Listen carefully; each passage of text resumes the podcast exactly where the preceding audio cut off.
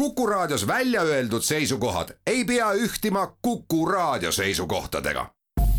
Te kuulate Kuku Raadiot.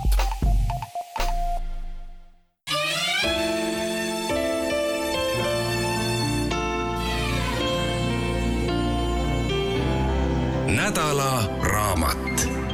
Orlando Faicis lugu Venemaast kirjastuselt Varrak head kuulajad, Kuku selle nädala raamat on Orlando Fidžesi lugu Venemaast, tõlkinud on Tõnis Värnik ja selleks, et Venemaa asju paremini lahata ja kogu see taust ära rääkida, olen külla kutsunud David Vsevjovi, kes terve selle nädala jooksul meile head nõu ja juhatust annab, mida sellest raamatust leida ja mida võib-olla ka mitte. mina olen saatejuht Marek Sandberg ja tere, David! Aitäh, et kutsusid. see raamat on selles mõttes noh, nagu üsna silmi avav, et kolmesajale leheküljele on väga kontsentreeritult ja väga põhjendatult ja argumenteeritult kokku võetud tuhat aastat Venemaa ajalugu ja mis on kõige suurem šokk minu jaoks, on see, et selle vältel teatud mustrid nagu üldse muutunud ei ole ei ole ja mis on veelgi sõna kummaline, on muidugi vale, sellepärast et siin ei ole enam midagi kummalist, et raamat ju sai paberile pandud või arvutisse toksitud vahetult lõplikus variandis enne kahekümne neljandat veebruari tuhat vabandust, kaks tuhat kakskümmend neli. seega seda sündmuste arengufaasi, mis järgnes sellele kuupäevale, ju autor ette ei teadnud ja, ta loomulikult lõpus natukene kommenteerib seda, aga, aga jah. aga kui sa asud tänapäeva vaatevinklist, me ju kirjutame minevikku, arvestades olevikku, mis on olulist, mis vähem tähtsat, mis meid tänasesse päeva tõi. jah, see tänane päev seal lõppkommentaaris on, aga kogu raamat on ikkagi paberile pandud enne Just. seda murrangulist kuupäeva ja kui vahel juhtub, et need järeldused mõne teose puhul võivad tekitada küsimusi, et ei läinudki nii, siis see raamat ja selle raamatu väärtus seisnebki selles, et see kinnitab, kinnitab seda tõdemust, et nii see oli ja nii see on ja kui ei juhtu midagi radikaalset, siis nii jääb see ka olema.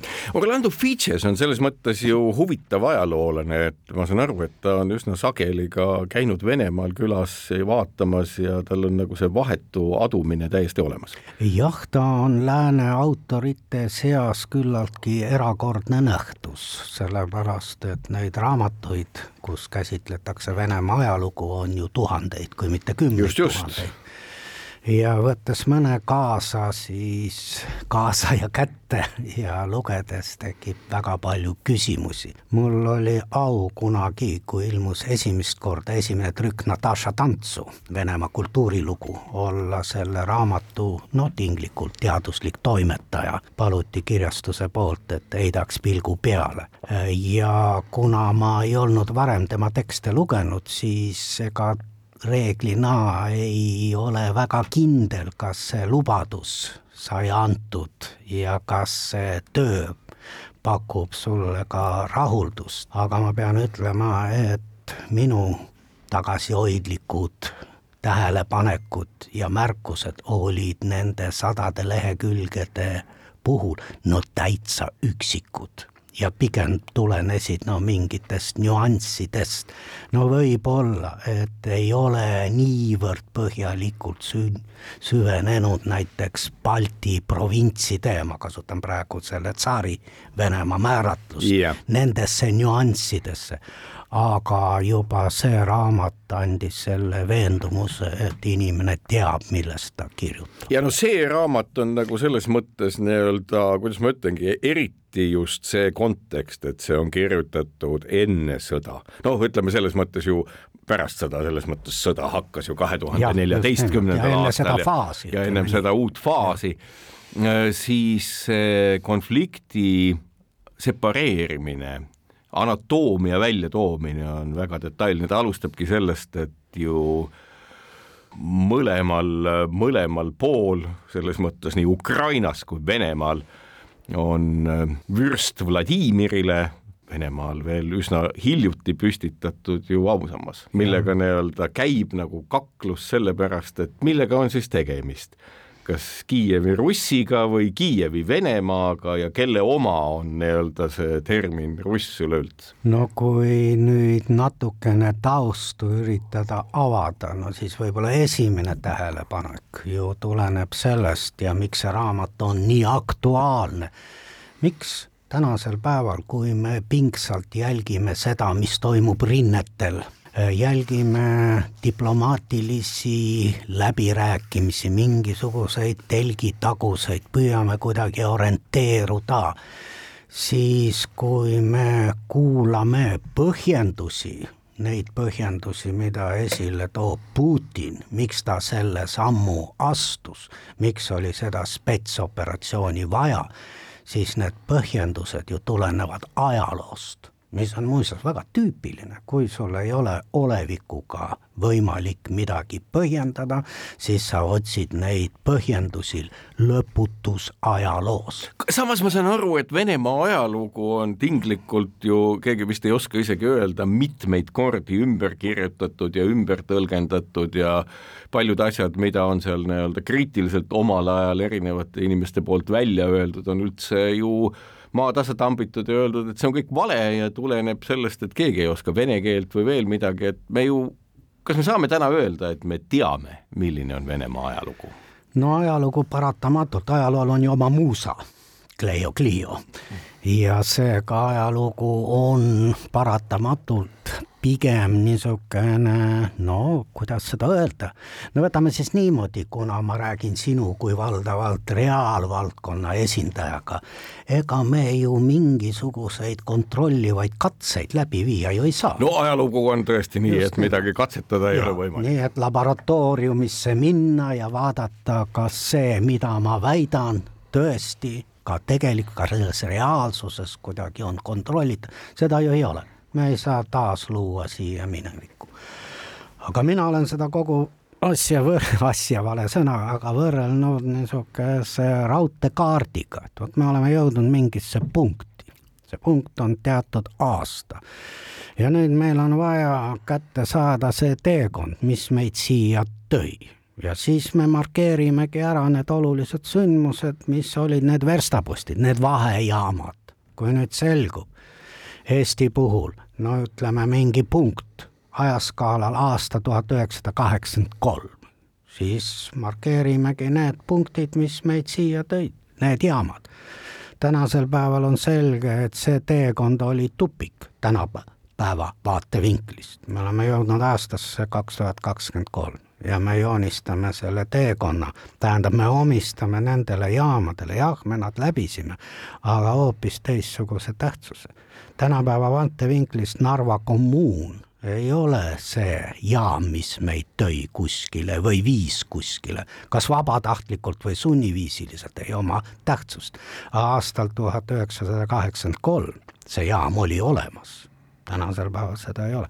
nii et see pilk ajaloole ongi paratamatult väga paljus määratletud tänase päeva vaatevinklist, aga kui me avame suvalise Venemaa ajalooraamatu, no sama me näeme ka selle raamatu puhul, siis esimene peatükk on ju Kiievi Vene, nii et kogu see riiklik moodustis, mis hiljem võis olla territoriaalselt nendes piirides, teistes piirides, need on ju alguse saanud, sündinud ju Kiievi kandis, ütleme siis nii. nii et kui nüüd lähtuda Putini loogikast, siis Kiievil oleks tunduvalt rohkem alust pretendeerida ruht, juhtrollile selles territoriaalses moodustises kui Moskval. aga sellest me räägimegi juba oma järgmises saate osas head kuulajad, Kuku selle nädala raamat Orlando Fidžesi kirjutatud lugu Venemaast, mis on tõlgitud Tõnis Värniku poolt ja kirjastuses Varrak sellel aastal ka välja antud.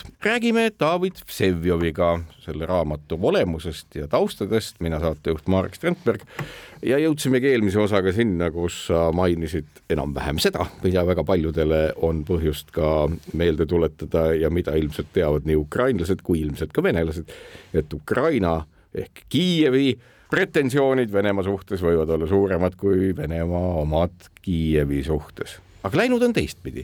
ajaloo jooksul on kogu aeg nii-öelda seda Kiievi päritolu ja seda suunda nii-öelda alla surutud, üsna sihikindlalt on ju noh, kasvõi ukraina keelega toimitud, mitte ainult keelega, me teame näljahäda, mis oli korraldatud, Kolodomor kus surid miljonid inimesed, ehk et Venemaa jaoks on ka sellest raamatust lähtuvalt Ukraina kogu aeg olnud noh, ennekõike selline semiootiline oht või märgiline oht, mida on püütud mitte mõnekümne, vaid mõnesaja või terve tuhande aasta jooksul vaikselt elimineerida sellelt horisondilt, kus see kogu aeg olnud on? ma arvan, et see termin, mida sa kasutasid, semiootiline oht, on väga õige kui me võrdleme neid panuseid, rahvaarvu, siis selle piirkonna majanduslikku rolli ja see loetelu on päris lõputu, siis see väiksem vend on ikkagi väiksem mitte sadades kordades, vaid ta on väiksem no natukene. Ka rahvaarvult, ega see vahe ju väga suur ei ole, ainult kolmekordne kui me võrdleme selle impeeriumi teiste provintsidega, siis äh, vahe torkab ju silma. ja arvestades kogu minevikku, Kiievi rolli, ka seda, et õige usk, Venemaa ristimine, see ju leiab ja need sündmused, mis siis, et mütoloogilised väga paljus, kuidas Venemaa ristitakse, see ju kõik leiab aset just nimelt selles piirkonnas Kiiev, Krimm. Kiiev, Krimm, kogu see ala. ja kui me vaatame veel sajandite jooksul, siis nende vürstiriikide seas, no võtame kas või see periood, mida meie tunneme, tatarlased, mongolid, nende kallaletung, siis ju Kiievi vürst, see on ju kogu selle vürstiriikide koalitsiooni peategelane. nii et see teadmine jällegi mis puudutab minevikku, et tegelik keskus, et tegelik juhtfiguur oli keegi teine, et meie tekkisime sinna poliitilisele kaardile kuskil alles kolmeteistkümnendal sajandil. mis see Moskva vürstiriik oli enne seda, no mitte midagi. see kuidagi häirib. Ja samas keeleline ja kultuuriline ikkagi lähedus, no mingis mõttes, siis see panebki suhtuma sellesse piirkonda, sellesse rahvasse. ma just täna lindistasin oma müstilise Venemaa saate ja pühendasin selle saate Aleksei Kossõginile, tuleb vast tuttav ette. õige, ikka, Kossõgin tuleb loomulikult nime järgi tuttav ette ja Brežneviga, just, just. ja leian tema laused, mis puudutavad, see on nõukogude aeg, kui räägitakse internatsionalismist, muidugi seda ta ei ütle avalikult, aga ta ütleb, et aga ma ei saa üldse aru, miks Ukrainas peab õppima ukraina keelt. ja, see... ja, ja nii see ju ka sündis ja selles mõttes, et sündis. Ukrainas kogu selle nii-öelda Nõukogude perioodi vältel ukraina keel kadus praktiliselt.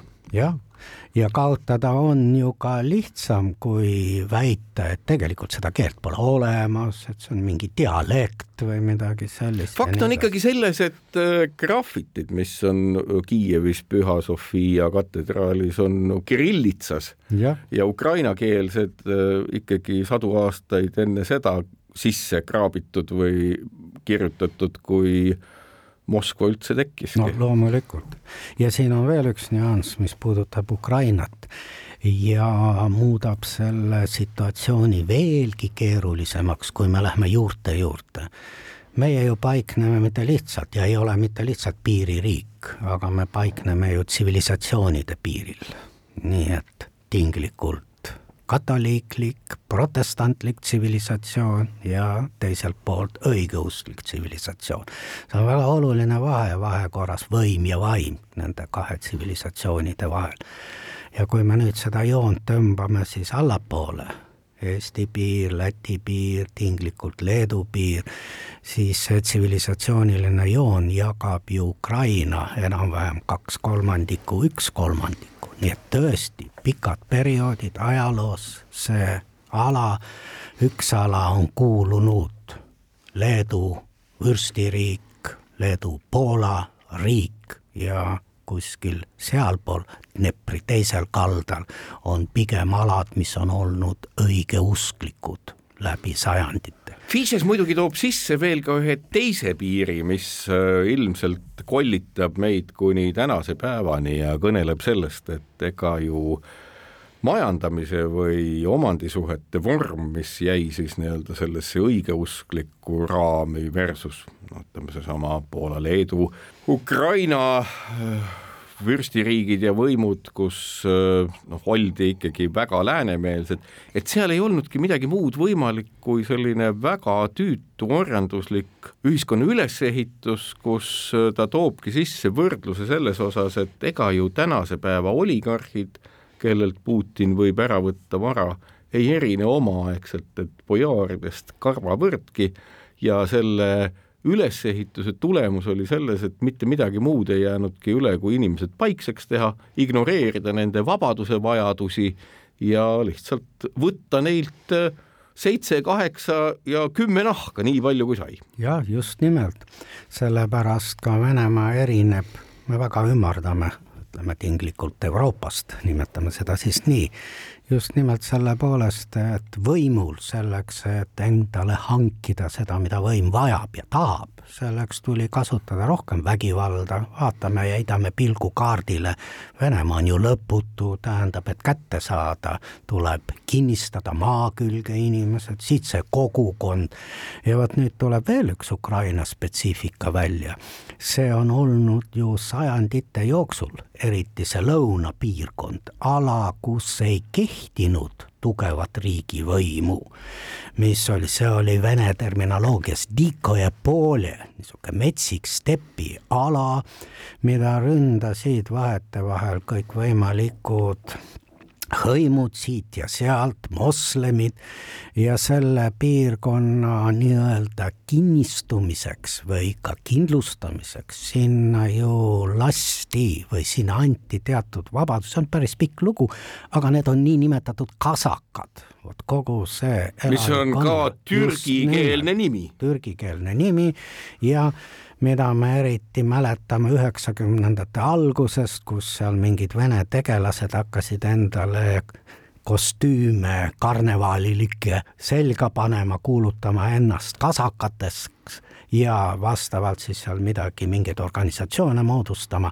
aga kui me vaatame piirkondadena, siis väga paljust jah, olid ka tonni kasuka, kasakad, aga üldiselt see on just nimelt see lõuna ja see on nüüd see seeme mis erineb tinglikult sellest Venemaa, klassikaliselt Venemaa arusaam, see on vabadus, vabadus. vot see on ka mingis mõttes, mis annab meile tänapäeval arusaama sellest vabaduse ihalusest, mis iseloomustab ukrainlasi väga paljus. aga edasi räägime juba oma järgmises saate osas head kuulajad, selle nädala Kuku raamatuks on Orlando Fidžesi kirjutatud lugu Venemaast, mille on tõlkinud Tõnis Värnik ja Marrak sel aastal ka välja andnud. David Vsevjoviga kellega siis veel Venemaa asjust rääkida, mina saatejuht Marek Strandberg sellest raamatust ka kõneleme. üks valdkond, mis on ju olnud kogu aeg väga erinevas käsitluses, on see, et äh, mis siis sai, kui mongolid ründasid ja tõenäoliselt lõid noh, Rooma impeeriumist veel suurema impeeriumi omal ajal, et mis fenomen see on ja sageli öeldakse, et oi, et sellest kõigest jäi venelaste hinge selline eriti nii-öelda äh, valus kogemus ja vaata, nüüd nad maksavad kõigile kätte. Features näitab seda hoopis teistmoodi. mongolid, kes olid väga osavad kõikides asjades, sõjapidamises, aga ka halduses, maksude kogumises ja kõiges-kõiges, mis veel tegelikult õpetasid venelased välja üsna brutaalsel moel nii-öelda oma riigiga toimima ja kui see ikka läbi sai, siis mingil hetkel siis tegelikult ei teinud nad mitte midagi muud, mitte ei kandnud suurt viha või ei soovinud olla vabad kogu sellest mongolite sadade aastate jooksul peetud valitsusest ja leida midagi muud, vaid vastupidi, nad võtsid kasutusse kõik kõige salakavalamad ja osavamad asjad ja tõenäoliselt kasutavad neid tänase päevani. Ja viimasel ajal, no ütleme siis ajast kuskil kaheksakümnendate lõpust, üheksakümnendate algusest, tänapäevaga on muidugi lood natuke erilisemad, ilmus ju väga palju käsitlusi, mis andsid sellele ajajärgule või paigutasid selle hoopis teise valgusesse Nõukogude ajal, kes mäletab, see oli ju tataramongolska iga, nii et see oli periood, kus vene rahvast rõhuti ja nii edasi, aga tänaseks päevaks ja juba tol ajal, kes asjades orienteerusid, oli ju selge, kõigepealt, mida see tähendas? Mida see tähendas, et see piirkond oli allutatud tatarlastele, mongolitele. no ütleme nii, seal on ka omad küsimused aga vene vürstid jäid ju kõik ametipostidele. just, nad tegid koostööd, nad koostööd, koostööd ja mis on ju kõige parem näide ja mida võib-olla keskmine inimene ei tea Venemaal, et suur pühak Aleksander Nevski, kellele on pühendatud kirikuid mitte ainult Tallinnas, vaid üle Venemaa ilmselt sadu, oli ju truu alamlik tatarlaste, mongolite vassall kelle valitsemine oli sealt aktsepteeritud, kes korduvalt käis seal pealinnas omale seda õigust taas palumas. silti, mis vist on jäänud, Jar Lõkk on selle nimi ehk et nagu ja, ja, ja, ja seda kasutatakse sildina tänase päevani, eks ole. just nimelt, nii et seega kõik need Aleksander Nevski suured võidud, mida Venemaa kirjutab oma arvele siis need ei ole ju mitte Venemaa võidud, vaid need on, kui me juba hakkame kuidagi. ehk tegemist on mongoli kvislinguga no,? loomulikult, seega on need mongolid tatarlaste võidud, aga mitte Vene võidud, sest sa oled selle riigi teenistus, no see selleks. ja mõned autorid näevad ka väga paljus seda, et selle, ega tatarlased, mongolid ju siseellu ei sekku Nad annavad mingisugused Nad olid malli. väga liberaalsed ka ju no, kogu religiooni suhtes. just nimelt, see neid ei huvita. üldiselt karjakasvatajate jaoks pole religioon nii oluline, no ei saa püsivaid pühakodasid püstitada, täna oleme siin, homme oleme seal, see ei huvita see ei huvita, peamine on makse kätte saada ja nii edasi. väga pragmaatiline. väga pragmaatiline, muidugi nad olid tungides nendele aladele väga brutaalsed, selles pole küsimustki, aga hiljem valitsedes, see on ju Džingis Khanile omistatud lause, et impeeriumi saab hõivata hobuse seljas, aga valitseda teda seda ratsa ei saa see on Džingis-Khani omistatud talle lause. ja ma saangi aru, et tegelikult seda. oli Džingis-Khan ise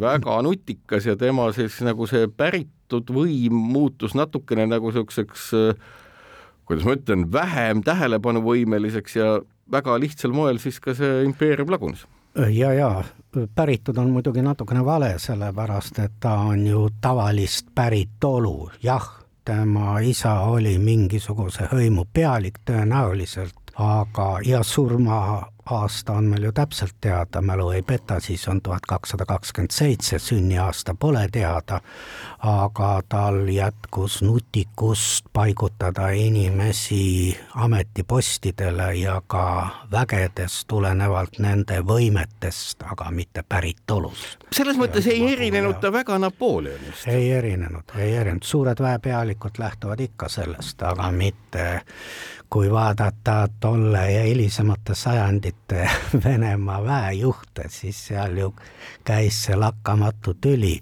ma ei mäleta, kas raamatus oli see mesnitšestvo, sõnast koht, tähendab, kes on kellest tähtsam. just, just see, mesnitšestvo on seal välja toodud ja see hierarhia see ju. on nii oluline see on nii tähtis, sellepärast võis juhtuda, et keegi mõnda liini pidi oli kellestki tähtsam, aga jällegi kuskilt sõjaväe hierarhias, mis peab ju olema väga täpselt paika pandud. jälle, kui sa teda paigutasid kellegi sellest allapoole ja need tülid olid ju meeled, siis ta lihtsalt keeldus seda käsku täitmast. see juhtus ka kuulsa Kalka lahingu ajal, kus vürstid ei suutnud omavahel kokku leppida, kui algselt paistis, et edu on saavutatud, aga kes siis toimib ja kelle käsku jälgitakse järgnevate hetkede jooksul. see ajas nad kõik omavahel tülli ja lõpptulemusena oli hävitav kaotus mongolid õpetasid äh, noh, siis ütleme moskoviitidele või venelastele meie mõistes selgeks siis kogu valitsemise trikid ja kavalused ja tegelikult ju ka Fidžes seda kirjeldab, et just nimelt sellest saadud impulssidega ja kogemustega ja selle lihvimisega, siis kui tuli püssirohi ja kõik muu, just nimelt selle toel ju valutati kõik Siberi rahvad. jah, nii see oli. siin on veel üks nüanss, millele tasub tähelepanu juhtida Äh, mongolid toovad või kinnistavad veel väga olulise niisuguse eristava nüansi Venemaa ajaloos ja see on märksõna kollektiiv, mitte üksikisik, vaid kollektiiv. ja lihtne näide, mida mina olen alati toonud. kui me külastame Euroopas mõnda ajaloomuuseumi ja lähme saali, mille uksel on silt tinglikult kolmeteistkümnes sajand, keda me näeme rüütlit, aga rüütlil on ju individuaalsus, iga rüütli vapp eristub teise rüütli vapist. kas me leiame Venemaa ajaloomuuseumis rüütlit? ei leia, ei leia. See on nimetu mass, mille järelllainetust me näeme ju praegu ka nende sündmuste juures, mis leiavad aset seal kuskil Bahmuti lähistel. ei oma tähtsust ei ole indiviid oluline, mass, see on oluline, resultaat on oluline, riik on alati olulisem, mitte vanem, mitte lähedane, mitte isa. Pavka Morozovi lugu tuleb meelde just nimelt sellest samast ajast, kui võideti kulakutega. jah, reeda oma isa. ja oled tegija ja oled tegija. ja seda me näeme ju tänasel päeval nende inimeste reaktsioonides, kes on kaotanud seal oma lähedased, mehe, poja, ei ole tragöödia, ei ole, on kangelane, on ohverdanud ennast jätame praegu kõik kõrvale, mille nimel, aga nende inimeste ettekujutuses riigi poolt formuleeritud eesmärkide nimel. On kangelane. Aga edasi juba meie saate järgmises osas.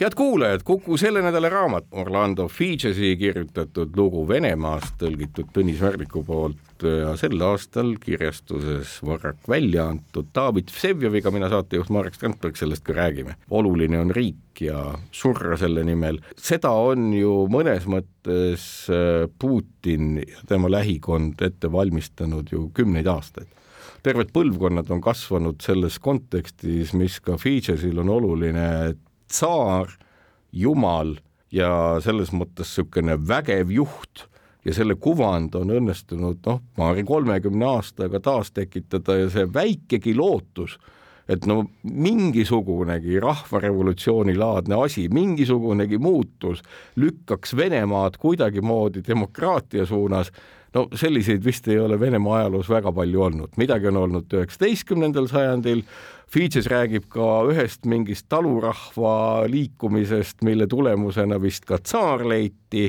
kahekümnendast sajandist teame me ainult veebruari revolutsiooni, mis kestis umbes kaheksa kuud, selle tulemus, ja ülejäänud aeg on tegelikult ju Venemaa isegi mitte keskajas, vaid selles nii-öelda keskaja eelnevas ajastus kus äh, ori oli oluline ja on tänase päevani ja, ja me oleme tegelikult väärtuskonfliktis ühiskonnaga, kus inimelu ei maksa mitte midagi, kusjuures ei maksa ka inimeste enda jaoks.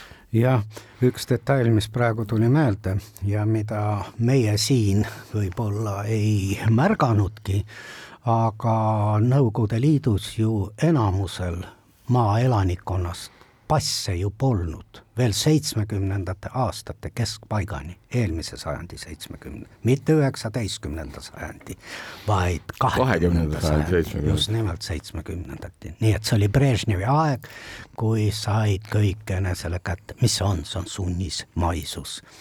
ja miks, et me ei läheks raamatust väga kaugele, ongi selle raamatu väärtus selles, ta ei ole paks ta on ju kokkuvõte. väga kiiresti väga loetav, see on loetav, nagu. kokkuvõte ligikaudu kolmesajal leheküljel, kui keegi soovib süveneda Venemaa ajaloo keerdkäikudesse, leiab ju pakse raamatuid ainult Ivan Julmast, Peeter Esimesest, no valik on lõputu.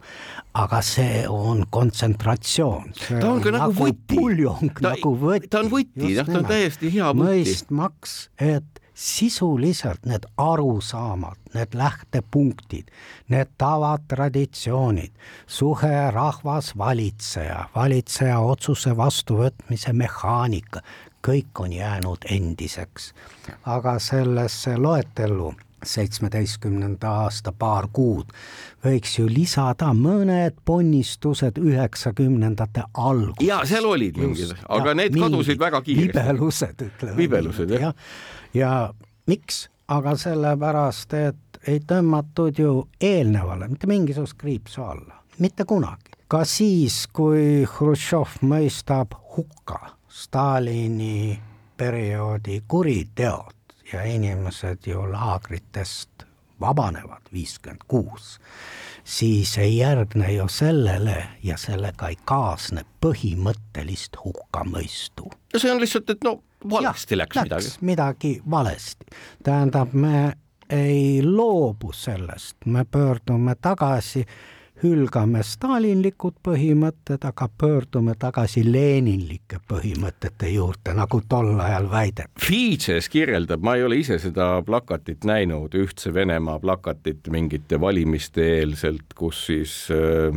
noh, sellel Putini parteil, mis ka Fidžesi arvates ei ole nagu mingi partei, vaid pigem ma ei oskagi öelda, mingi mingi indulgents või truuduse vandumise ja, koht või no, mäng, mäng, nagu mängiti nagu... nõukogude ajal valimistesse. just ja sa seal mainib, et seal oli mingisugune sada nelikümmend või sada viiskümmend tegelast Venemaa ajaloost ja ilma mingi süümepiinata olid seal rahulikult Stalin, Lenin, väga paljud kunstitegelased, kes peal kujutatud. ehk et ega Venemaa jaoks tänase päevani ei ole ju vigu. mõnes mõttes ka Hiinas me näeme ju samasugust asja. ega siis Mao kultuurirevolutsioon ei olnud viga, see oli lihtsalt üks väike kõrvaltee, aga valitsejad ei tee vigu. ja, ja me ju teame, Lenin ju puhkab jätkuvalt mausoleumis ja samas püstitatakse ausambaid Koltšakile ja teistele valgete väepealikele. nii et inimesed, kelle jaoks nõukogude ajal oli enam-vähem kõik selge, head punased ja halvad valged, siis nüüd siin valitseb täielik segadus. aga samas ikkagi seesama staatus, et sa oled välja valitu ükskõik millisel moel, maaomanik äh,, valitseja varade ja maade üle ja inimesed alluvad sellele üsna leebelt, neil ei ole nagu see vabaduse tung nii suur, kui me näeme seda enda kultuuris või lääne pool. ei ole ja see võimupositsioon, võim kui seletaja, see on ju jällegi üks niisugune nüansike suhteliselt vähe tuntud, aga mis eristab ka meie piirkonda Venemaast. Ja eriti alates Luterist, me loeme ju ise pühakirja.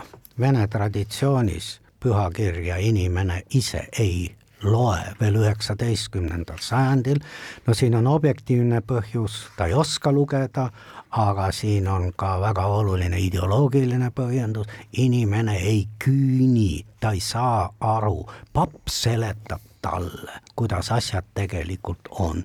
ja täpselt samuti inimene positsioneerib ennast ka võimu suhtes, võim seletab, no nagu praegu seletab. Seletab, kes on ukrainlased, mida tuleb teha, seletab, sa ei pea mõtlema, sa oled vabastatud mõtlemisest, sina oled ennast positsioneerinud või sind on positsioneeritud läbi sajandite kinnistatud see arusaam, võim teab, võim on targem, võim ütleb ja sina sõltud võimust. ja see on muuseas ka väga huvitav, kui me vaatame Vene aadli erinevust lääne aadlist Lääne-aadel on ju väga paljus maa-aadel, tal on midagi kuulunud. Venemaadel on läbi ajaloo olnud alati teenistusaadel. ja kui sa tsaariga tülli läksid, jäid kõigest ilma. ja vot siit on jälle see paralleel, mida sa mainisid, oligarhid. Nendega on sama lugu. sama lugu, sa oled teenistusoligarh. see on väga hea mõiste, ma ei ole selle peale varem tulnud. sul lastakse teenida, kui sa hakkad plärtsuma, paned Need vangi. on ju olnud. Hodorkovski. jah, täpselt, et me näeme ja, seda ja see muster säilib. Äh, Läänes sa võid kritiseerida võimu ja võid olla halad, halbades suhetes võimuga, no ükstaskõik, kes neid näiteid võib ju ka tuua, aga võimul ei ole voli sult kõik ära võtta, see on ikka sinu oma aga siin pole küsimustki. hops ja sa istud trellide taga sellest aga räägime edasi nii trellide tagusest kui veel muutustest Venemaal ja õigemini nende muutuste puudustest saate järgmises osas. Kuku selle nädala raamat Orlando Figes, lugu Venemaast, tõlkinud Tõnis Värnik, kirjastus Marrak sel aastal välja andnud ja sel nädalal David Vsevioviga seda raamatut tutvustame. mina saatejuht Marek Strandberg ja mis on ka Figes, mida ta kirjeldab, ongi täpselt seesama asi, et ega ju ega ju noh, sellist nii-öelda vabaduse lõhnagi ei ole selles vene kultuuris olemas ja kogu aeg ükskõik milline võim on tiirelnud ikkagi selle ümber, et see õige tsaar või see õige maailmapilt on nüüd nagu viimane kants, mis seda kaitseb ehk kolmas Rooma pärast siis päris Roomat, pärast Bütsantsi ongi Moskva see, kus on see piltlikult öeldes kõige õigem usk ja, ja see, kust tuleb võim ja vägi. Kuidas ja. see on võimalik, et see on elanud üle ka Nõukogude aja, mis oli ju üldjoontes kiriku suhtes üsna kriitiline? kusjuures sinna ei panda mitte punkt, vaid koma ja öeldakse ja neljandat ei tule, et asi oleks täiesti selge nii et. ja sellest tuleb ka nende niisugune võim ja enesekindlus. jah, niisugune arusaam, jah, juba sõna iseenesest ütleb, et meie usk on õige, teiste uksud siis vastavalt ei ole õiged. Aga on veel üks nüanss, mida Venemaa puhul tuleb ju arvestada, no loomulikult nii tänasel päeval rääkimata ajast enne seitsmeteistkümnendat aastat elas ju Venemaal palju mõtlevaid inimesi. seitsmeteistkümnenda aasta all pean ma silmas ikka eelmist sajandit. tuhat üheksasada seitseteist. tuhat üheksasada seitseteist.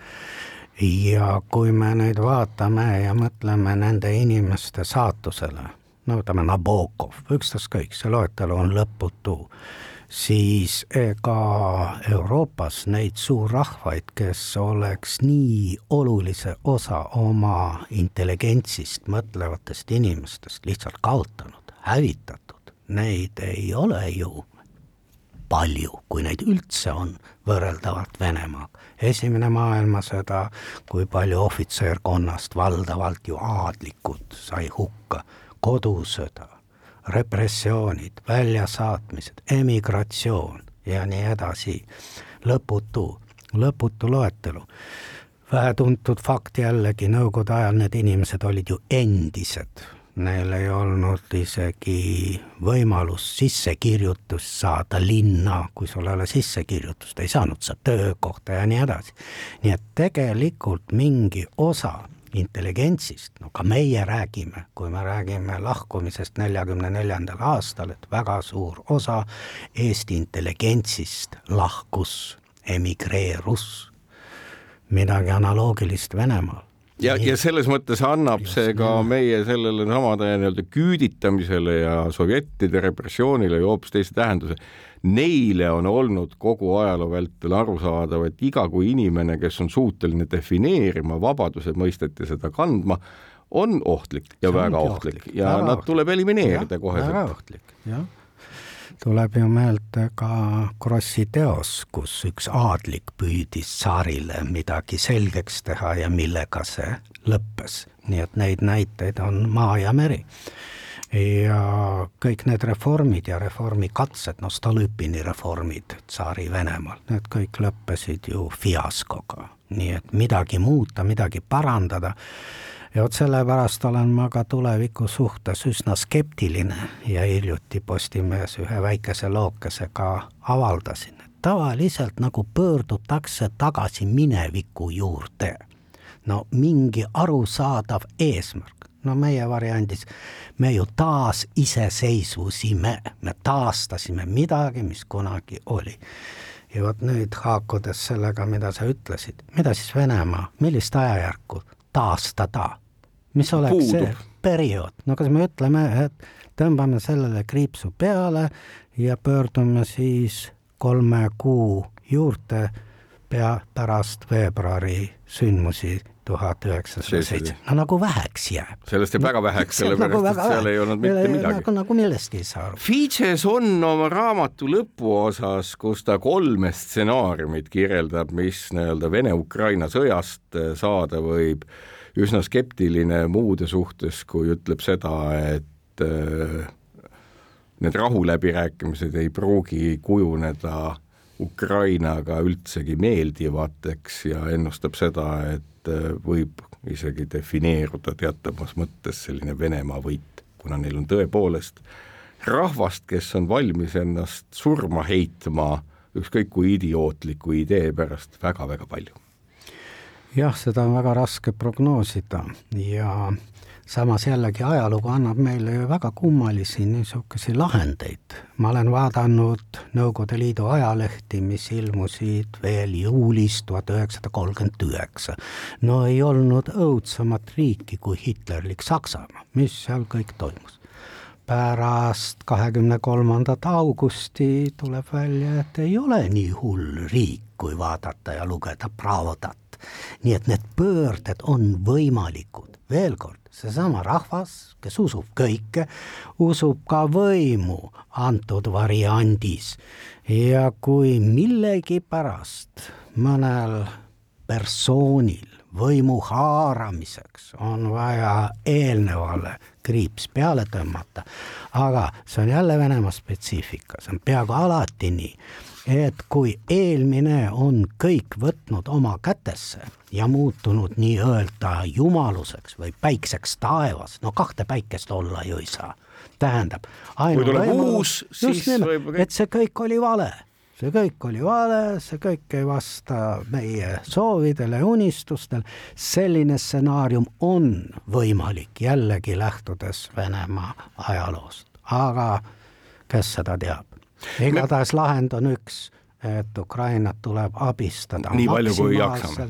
ja jah, paistab, kes siis tahab neid surmi, lõpetame ära, aga ei mängi välja, ainus võimalus on ka surmade vähendamiseks, pidades silmas tulevikku, anda Ukrainale nii palju relvi, kui üldse on võimalik siinkohal muidugi peame ütlema seda, et ega noh, raamat ei puuduta ainult mitte mongolite aega, vaid ikkagi ka kõik muud nii-öelda Venemaa tõsised kriisid ja, ja sellepärast see, see, see, seal on nagu kõik ajastud just, läbi käidud just. ja selle lugemise võlu ongi selles, igas ajastus kordub just. täpselt see muster, mida sa räägid. kuni täpselt. selleni välja ju, et äh, Fidžeski noh, mitte imestunult, vaid tõdedes tõdeb ju ka seda, et seesama Quisling, Aleksander Nevski, et ta defineeriti ju totaalselt ümber vahetult ennem Teise maailmasõja algust suurepärases filmis, mida tõenäoliselt miljonid on näinud, võib-olla isegi Eestiski, no kindlasti Eestis, mina olen ka näinud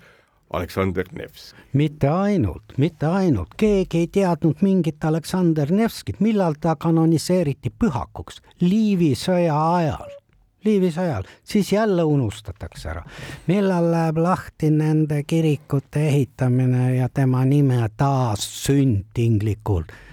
Peeter Esimese ajal, tähendab figuurina pole tema tõus seotud mitte ajaloo tõe väljaselgitamisega, vaid puhtalt ideoloogiliste eesmärkidega. Ja see ongi Figese raamatu üks peamine postulaat. Venemaa on käsitlenud oma ajalugu, no ütleme meie keeles, mitte teadusena, vaid ideoloogiana. Aitäh, David Vsevjov tulemast stuudiosse rääkima Orlando Fidžesi raamatust Lugu Venemaast. See on hea raamat, ta annab väga hea võtme selle jaoks, kuidas lahti seletada ja selgeks teha kõik, mis Venemaal ka täna sünnib. ma arvan, et see võiks olla täiesti õpik, mida peaksid kõik teadma ja aru saama. seniks siis kaunist päeva ja head lugemist ja kohtumiseni Kuku nädalaraamatu saadetes